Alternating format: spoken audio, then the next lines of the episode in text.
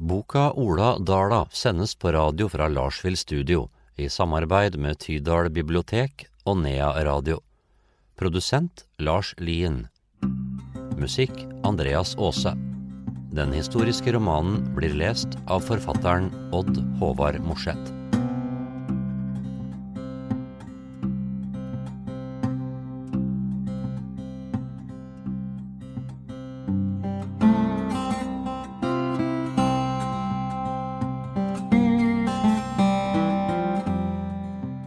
Kapittel 9 Søndag den 22. juni 1823 Håvollen Natta fikk aldri tid til å hente fram mørket på denne tiden av året. Lysglimt mellom drivende skyer ryddet bort skumringen.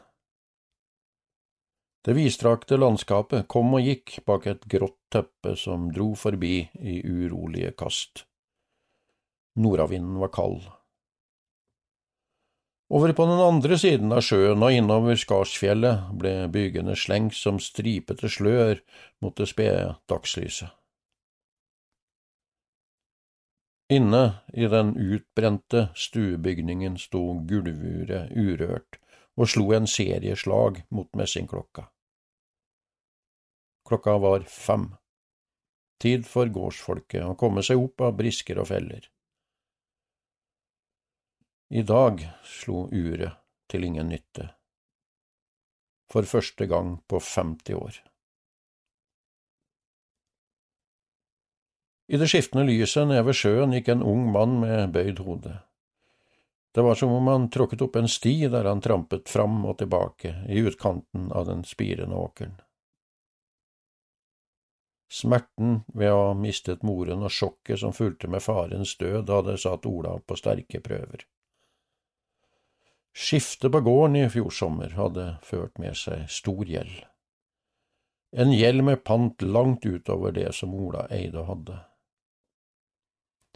All motivasjon i arbeidet, All flid som var lagt ned, var knyttet til stoltheten i det å betjene dette lånet, en æresgjeld, uløselig knyttet til hans egen person, som igjen var knyttet til arbeid og virke. Et virke som igjen var knyttet til hans framtid som bonde på Dala.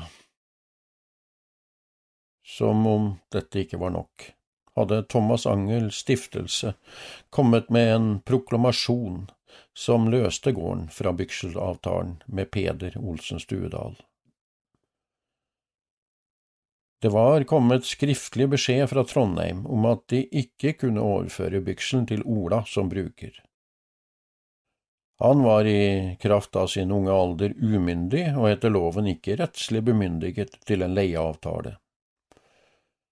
Utpå høsten skulle gårdens bykseseddel komme til offentlig utbud på Eidem i Selbu. Nå hadde husene som tilhørte stiftelsen, brent ned.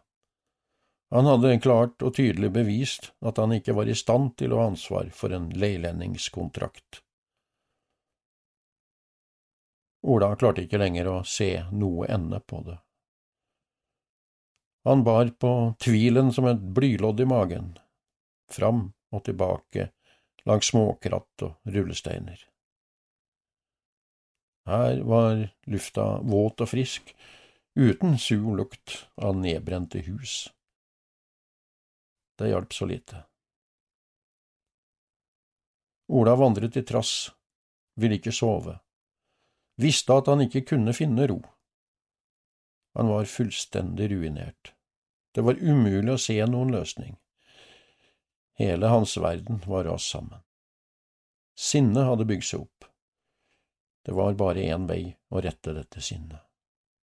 Den guden han hadde lært om, lest om, bedt til og satt sin lit til, kunne umulig finnes. Gud er et bedrag, og Bibelen er diktning. Brått snudde Ola seg mot gården. Forvirret og sint la han i vei med lange skritt. Oppe i tunet var alt som hadde blitt kastet ut av hus og fjøs, ryddet opp i. Inne på stabbursvala satt Ole og Tore hans og sov i ly for vind og regn. Henning hadde gått hjem til dyr og unger.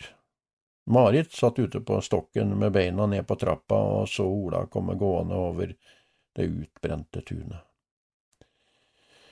Men han så knapt Marit der hun reiste seg og gikk han i møte. Det lyste trass og sinne av hele skikkelsen.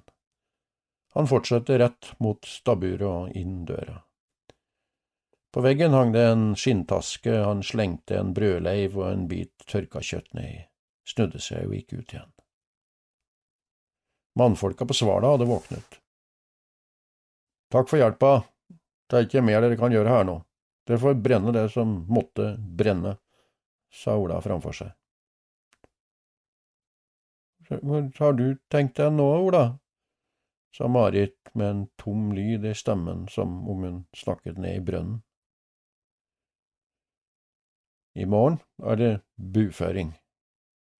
Du da, skal inn på Håvollen? Det er knapt folk igjen her på gården. Det er best å ta på og kjøre første lasset innover. Hesten kan ha godt av å ha noe å gjøre. Ola prøvde å høre sterk ut. Bevare sinnet. Men mot sin vilje var det noe som sviktet i stemmen. Ordene kom som øksehogg mot en flisete hoggestabbe. Det var ikke godt å vite hvor hodelaget fra i går var blitt av, men det fantes da flere i stallgangen. Han stoppet opp og så seg rundt. I går. Han måtte bite i seg, rev til seg et hodelag og langet ut bortover Skansebakken. Hesten er i alle fall den samme som før. Han la armen over mana og plasserte bittet i munnen. Blakken roterte på tunga og la bittet på plass oppe på tungebeinet.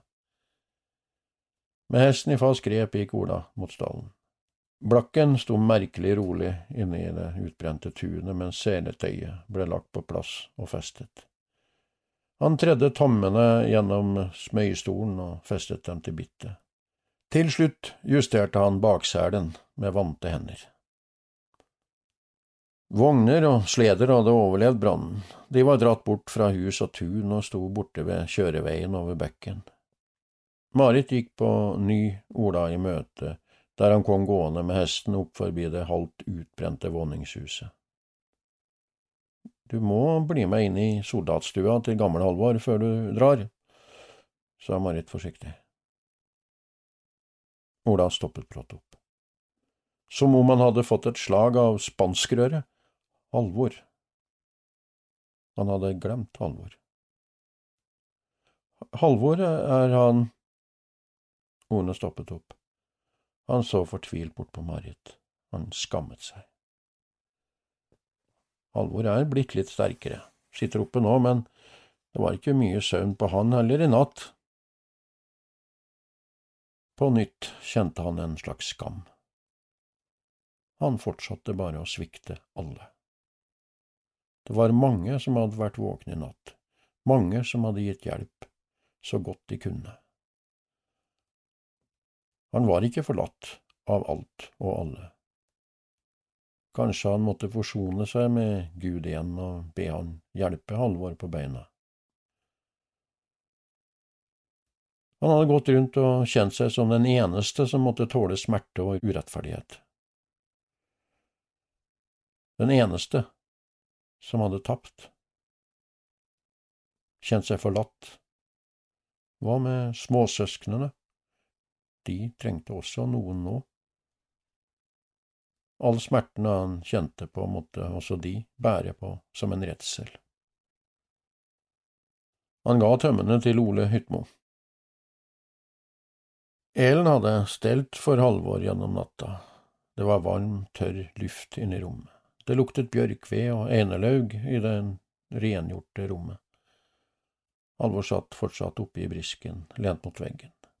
Ola ble stående rett overfor Halvor, ved enden av brisken. Han var sikker på at han hadde sett døden i det grimete ansiktet i natt, Nå så han at den gamle hadde samlet krefter, var klar til å kjempe for livet. Det sto en tynn velling på et trefat ved brisken, tresleiva var lagt over kanten. Elen kom bort til Ola, la armen om de smale skuldrene hans og sto slik en liten stund før hun slapp taket. Du må få i deg noe å ete nå, Ola, sa hun på en enkel, dagligdags måte. Hun la opp velling på et nytt fat og hentet sleiv. Her inne var det hun som bestemte. Ola satte seg ned på brisken, slo litt melk over og begynte å ete av byggmjørsvellingen. Endelig var det noe som var tilbake til det normale, grøtfatet. Ola løftet blikket fra vellingen og så på Halvor. Jeg kjører en vending inn på Håvoll med varer i dag. Så, sa Halvor på raspende inn- og utpust. Ute i tunet igjen tok Ola med blakken bort til bikkjerra og rygget hesten inn mellom skjekene. Uten et ord vart sagt fikk han hjelp med å slenge lerretsduken over lasset og feste den med et svinerværsrep. De tre unge karene ble stående tomhendte og tafatte borte ved bekken. Det var som om de manglet ord. De lette nok etter noen å si, men de dagligdagse ordene passet ikke lenger på tunga. Ola stilte seg bak kjerra, tok godt tak i tømmene, slo lett mot hesteryggen. Takk, dere skal ha takk for hjelpa, sa han idet hesten satte fart. Det sto to tause karer og nikket kort mot ryggen til Ola. Det var liksom ikke noe å takke for. Ola svingte hesten til høyre og satte den rett mot bakken opp Kneika, der sommerveien mot Ridalen går. De kjørte over Vaa, over fossen, i Kvennbekken. Han trakk i venstre tømme, og de tok av innover ferdselsvegen mot Viggersjøen og Sverige. Det gikk smått den første biten. Setevegen var mest egnet for transport med hest og kløv. Etter Rybekken skranglet det i vogn og slo i metall fra de store kjerrehjulene over steinene til underlag. Han passerte snart Storkåsen og den nye slåttemarka han hadde begynt å rydde innenfor der i vår. Så gikk det ned Kneika ved Hyllbekken. Oppe bak Avenshaugen åpnet landskapet seg innover mot Mørsedalen. Skydekket lå fortsatt tungt og dekket til toppene i Vigelfjella. Håvollen var godt synlig i det åpne landskapet framme i lia mot Mørsjøen. Siste rasten tok Ola og Blakken her oppe ved det nakne berget. Det durte fra fossen nede i juvet ved Falkberga. Minnene fra turen med mor innover fjellene her og helt inntil meslingen dukket plutselig opp. Det gikk opp for Ola at utenom oppholdene på seteren om sommeren var dette det eneste sterke minnet han hadde om mor. Han var jo bare guttungen da, men likevel var det mye han husket av fortellinger og inntrykk. Mor hadde fortalt hele veien, også om det de kunne se av spor etter tidligere fjellfolk og veidemenn. På begge sider av det skarpe fjellveggen ned mot fossen hadde det i lange tider ligget et nettverk av fangstgroper. Lenger innover landskapet var det også rester av groper på nøye utvalgte steder der det var naturlig for hjortevilt å trekke. En gang hadde det vært elg i fjellene her. De fangstgropene var større. Reinen var det eneste hjorteviltet som hadde klart å tilpasse seg da det stadig ble kaldere vintre og kortere somre. Rester etter furuskog lå i myrer og tjern langt oppe i Snaufjellet. Nå var mye av furuskogen nede i dalen også hugget ned. Jaktfalkparet, som hadde tilhold inne ved Falkberget, svevde i vide sirkler under skydekket. Da måtte de være ute på jakt etter bytte til ungene. Jaktfalken hadde i mange år vært etterspurt i Europa, særlig av den hollandske og prøyssiske adelen. Tidligere var det vanlig at falkefangere hadde tilhold her. Bestemor Marit hadde fortalt at de fikk mynter i sølv som betaling for brød, ost og smør eller annen forsyning de hadde levert fangstmennene fra Falkenwert i Holland.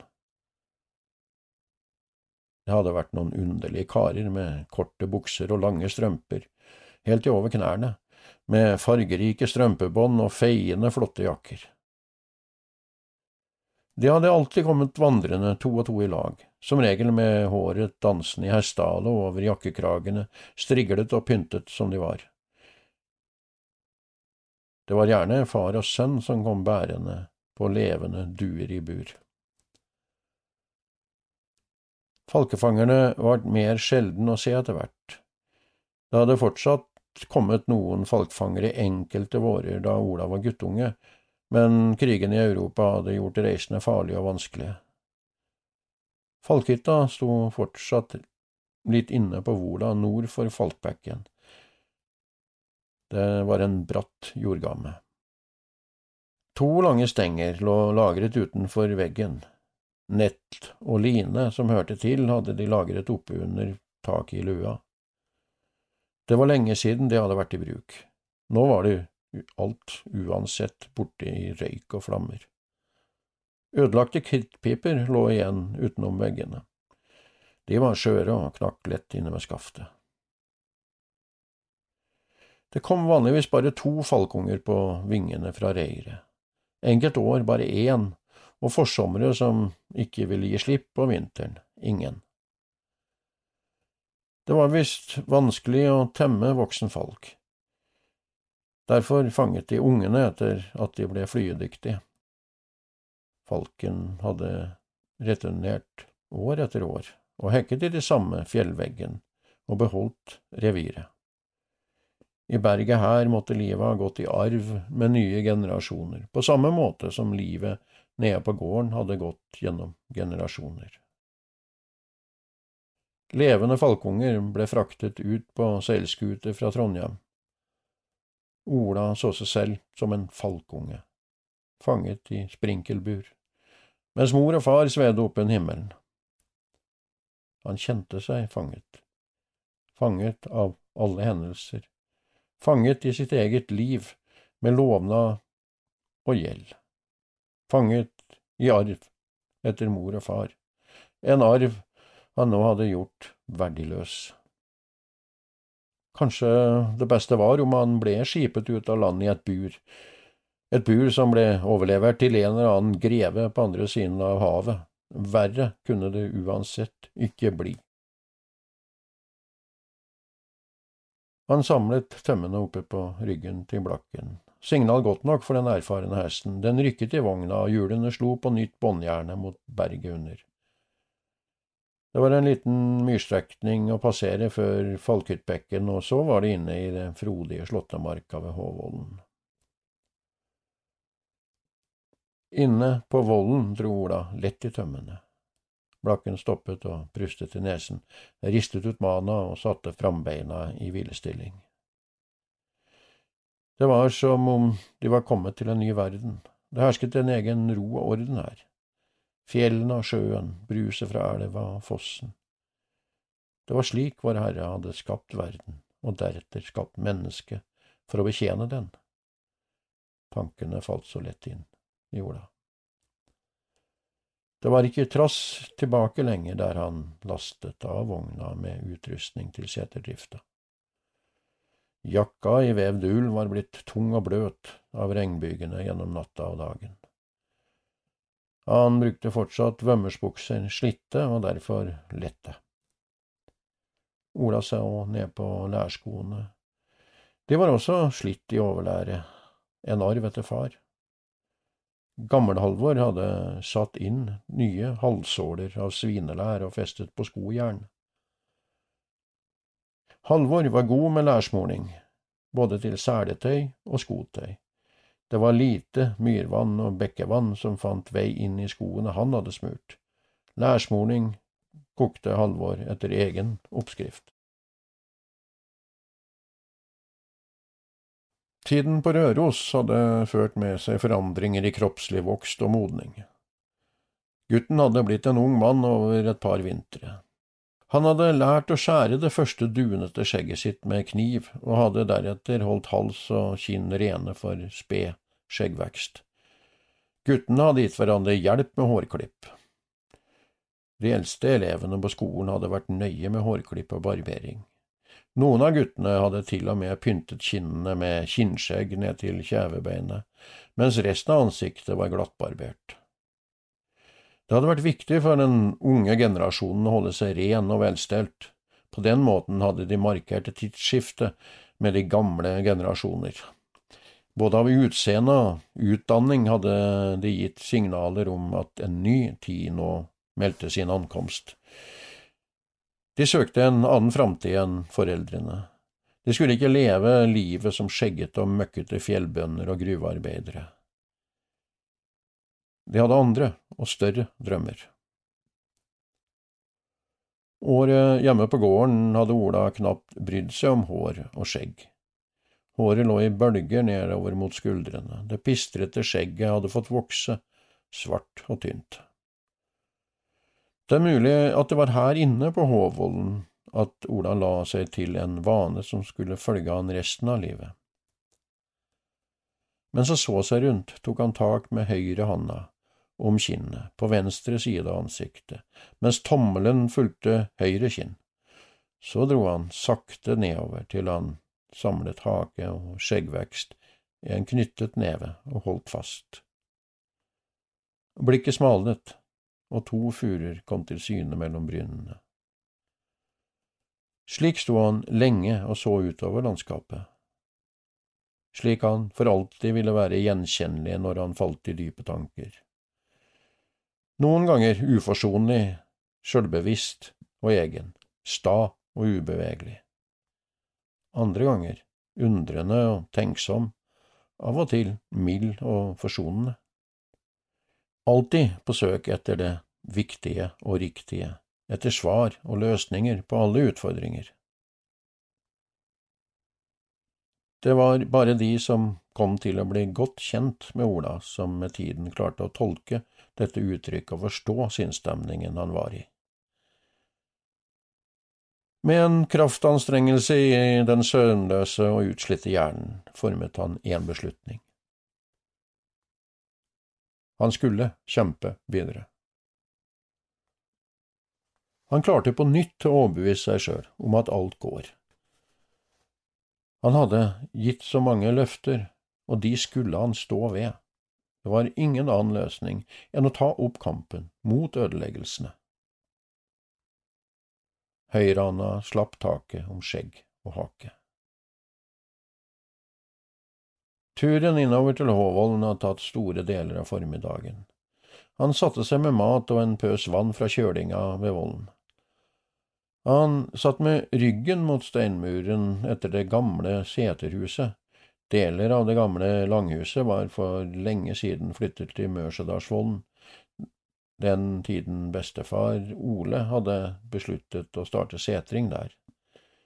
Det meste av tømmeret var fraktet dit på sledeføre, resten ble brukt til ei lita setebu på vollen like nedenfor der Ola satt. Ferdselsvegen var godt synlig over grassletta der den var trampet ned av hest og folk gjennom hundrevis av år. Ola hadde skjæret av hesten, den beitet fritt ned ved setebua. Han la seg ned ved den gamle steinmuren og dro hatten nedover øynene. Messingbjølla som hang i ei reim rundt nakken på hesten, kimte i den grønne liene. Trosten skvaldret rundt reirkoppene de hadde unger i. Det var vindsus og elvebrus, alt sammen musikk som sendte Ola inn i søvnen. De smale skuldrene forsvant inn i jakkestoffet. Hele skikkelsen sank sammen ned mot steinene og graset. Skydekket åpnet seg etter hvert mot vest, og slapp til litt sollys. Det sterke midtsommerlyset spredte varme utover hele landskapet. En liten fuktig dis la seg over Marihann og småsøtet som blomstret i den korte enga. Soleien lyste med små gule knapper ved den gamle steinmuren. Ola våknet til stemmer, mannsstemmer. Det kom gående to karer, fra sør over vollen. De bar store neverkonter på ryggen. To skinnvesker hang ved hoftene, remene gikk i kors over brystet. De var likt kledd og likt utrustet, med to kniver i beltet, én stor og en liten. Han heiste seg opp på albuene, rettet på hatten og kom seg på beina. Han så at den ene var en ung mann, kanskje på hans egen alder, den andre var en eldre, kraftig kar med et tett og velstelt hår og skjegg. Karene stoppet opp ute på vollen da de fikk øye på hesten og etter hvert Ola som reiste seg fra gresset. De løftet av seg nevekontene. Ola hadde sett dette folket før. De kom gående for å selge varene sine i bygdene innover i Trøndelag. Dalakallane hadde et godt rykte med seg, kramkaret som solgte varer fra heimsløyden i Dalarna. All slags huskeråd i tre hadde de med. Varene var dreid, høvlet, spikket eller utskjært og sandpusset. Varene ga et viktig utkomme til mangt et torp nedover langs elver og sjøer i de svenske skogsbygdene. Det kunne være tresleiver i alle slags fasonger, vevskjeer, smør og ostformer og alt annet som trengtes i et hushold. Gjenstandene var ofte dekorert med akantusranker eller andre utskjæringer, de skar gjerne inn bumerker, årstall og navn i varene ved en handel. Et lite kunstknep de hadde, var i alles påsyn å skjære inn navn og årstall speilvendt inne i smør- og osteformene, slik med husmor sitt navn lett lesende når smøret og osten kom på bordet. Kramkarene hadde også med seg pyntegjenstander. Ola hadde sett at de hadde tatt fram hårkammer utskåret i bjørk, og med dem hårflettinger. Flettene var fra dalakvinnene, dalakullerne, som lot håret gro gjennom vinteren. Utpå våren flettet de håret i pene, små fletter og klipte dem av. Alt var til salgs fra de fattige skogsbygdene i grensetraktene mot Norge. Næ, er det folk inne på Febovallen? God dag og Guds fred med deg, sa den eldste karen og rakte fram handa. De hilste etter tur, og Ola fikk med seg navnene. Håkan Yngveson var eldstemann, og Peder Persson var yngste. Håkan fortsatte å føre ordet, dreven som han tydeligvis var i møte med folk. Vi har planlagt å nå Stugudalen før kvelden. Middagsrasten har vi nylig tatt oppe på knausen ved sjøen. Det var godt å få tørke opp litt etter regnet. Ute på Vedskytthammeren? spurte Ola forundret. Den gamle satte igjen latter.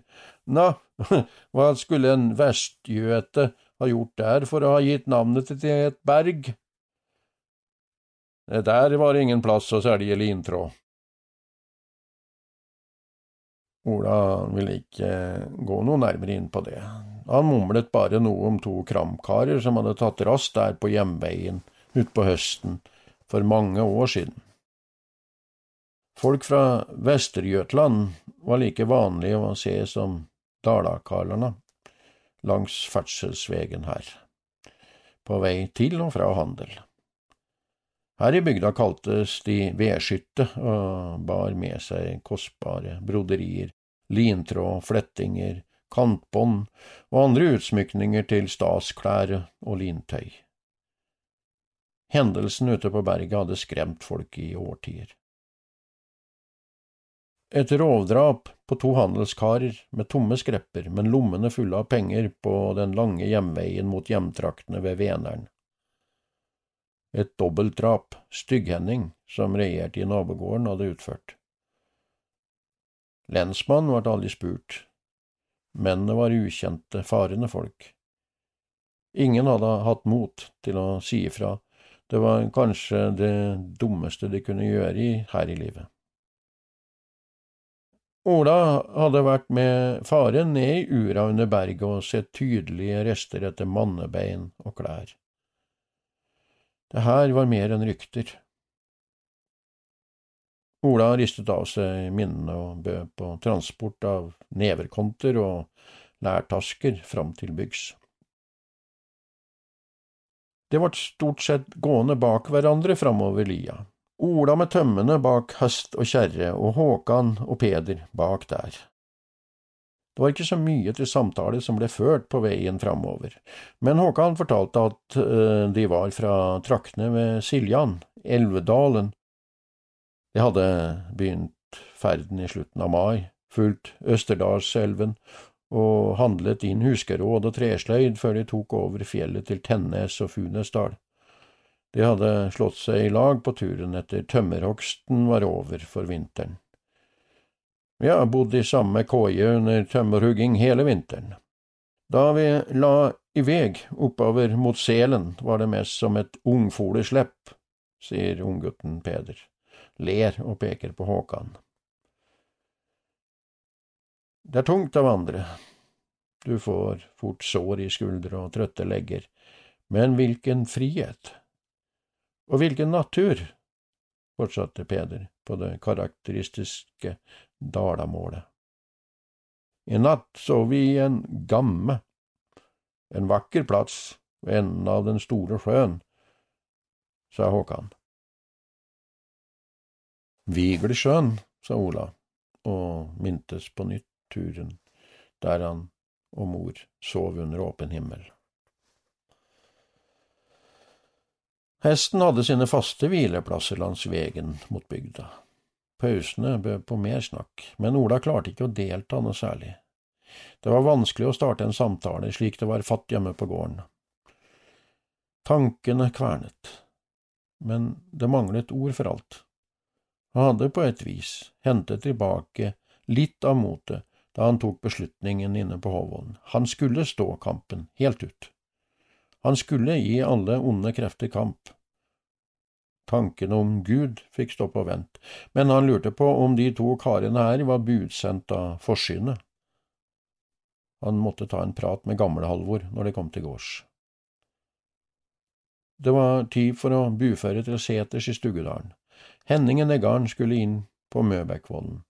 Lars på Stuggevollen skulle buføre opp til Vektarhaugen, og Tore hans den korte turen opp på Fassvollen. Da Ola kom med hesten og det lille følget sitt, var alle like fullt i gang med å rydde opp i brannrestene. Hans på Flaten var også der, mager og hengslete med sine store arbeidsnever. Det var søndag og midtsommer i dalen. Skottgården, torsdag 17. april 1862. Ane skyver mer ved inn i gruva og mener det ser ut til å bli uvær. Det kommer en næling nå. Vinteren klarer aldri å slippe taket uten kamp, sjøl om sommeren alltid får siste ordet. Vindkastene slår rundt veggene. Litt røyk slår ned i den åpne peisen.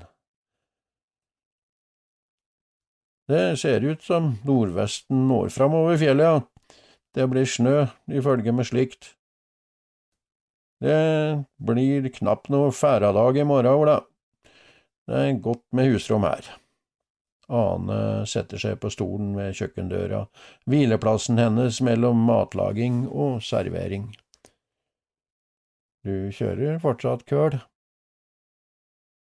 Siste lasset vi leverer, nå er det slutt.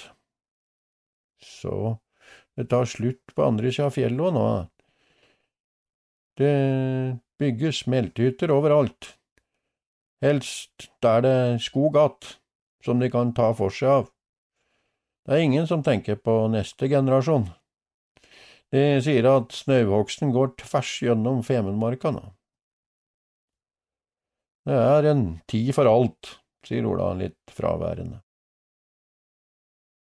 Det ser ikke ut til at han vil dele Ane sine bekymringer. Ane skifter emne, Hun vil vite mer om Kari, Kari Grå, og nykjerringa på Dala, om unger og naboer. Ola forteller etter hvert at Henning i Neggarden er død. Han hadde giftet seg på nytt etter at Lisbeth fra Myrmoen døde i barsel. Ane husker godt Lisbeth. Hun sto konfirmant borti kjerka her. Det var vanskelig nok med spedbarnsdød og dødfødsler. Mye verre det her når mor og barn blir lagt i samme grav. Nei, det er ikke mange muligheter når barnet ikke vil ut, sier Ola. Ufødt liv vil da alltid ut. Det er nå slik at den unge ikke alltid ligger riktig, det hender at en må hjelpe til, slik du har gjort både i lamming og kalving, Ola. Jo, det hender da at rumpa kommer først, eller bare hodet. Det går ikke riktig for seg før en får tak i en fot, eller helst to. Hos oss, da, går fødselen riktig for seg når luggen er det første du ser. Noe annet er det om ungen ligger andre veien. Gud hjelpe meg, da er det lite å få gjort. Er det bare bakenden å se, går fort to liv tapt. Ane rister på hodet ser om Ingrid følger med på praten, men hun sitter ved grua og er opptatt med å suge på en Candis. Hun senker likevel stemmen. Det å slå i hæl for å kunne skjære ut en unge er håpløst valg, et valg bare barnefaren kan ta.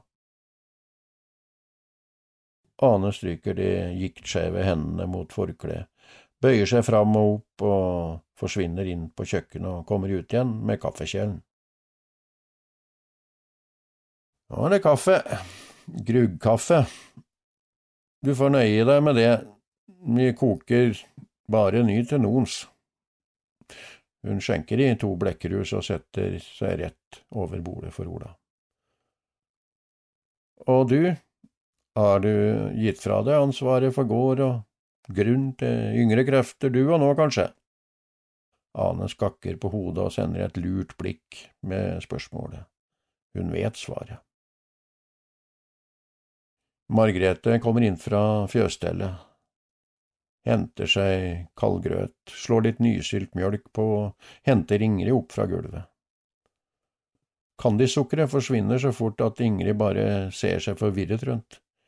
Det er to skjeer i grøten, mor og datter deler kveldsmaten. Det er snart sengetid for Ingrid. En liten diskusjon om Candisen skal være med opp i senga, blir med ut av døra. Mor lover at den skal ligge trygt og urørt oppe på gråskapet i natt.